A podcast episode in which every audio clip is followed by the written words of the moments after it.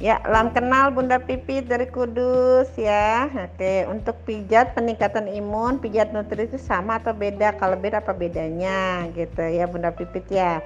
Oke, sebenarnya sih sebenarnya prinsip manfaat dulu ya Bun, manfaat pijat pijat bayi sebenarnya sama Bun ya. Untuk apa? Melancarkan peredaran darah, meningkatkan daya tahan tubuh ya, membuat tidur lebih lelap ya, ikatan bonding attachment yang bagus antara ibu dengan si bayi ya.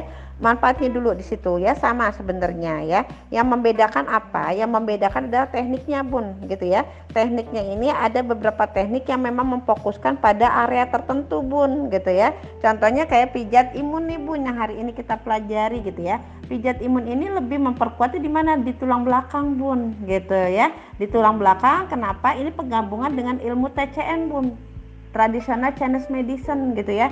Di mana tugasnya itu adalah untuk tujuannya adalah menjaga keseimbangan tubuh bun ya. Menyelaraskan seluruh semua organ dalamnya gitu ya. Jadi di sini di dalam TCM ya dia gunanya itu merangsang bun ya. Merangsang peredaran darahnya menyelaraskan organnya ya. Yang pasti adalah untuk menangkal serangan patogen dari luar ya mencegah infeksi gitu ya. Nah itu lebih ke tekniknya bun gitu ya.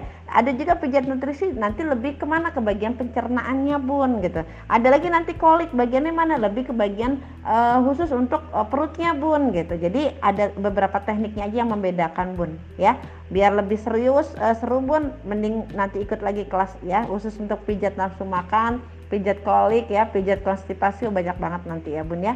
Ya semoga terus belajar ya bun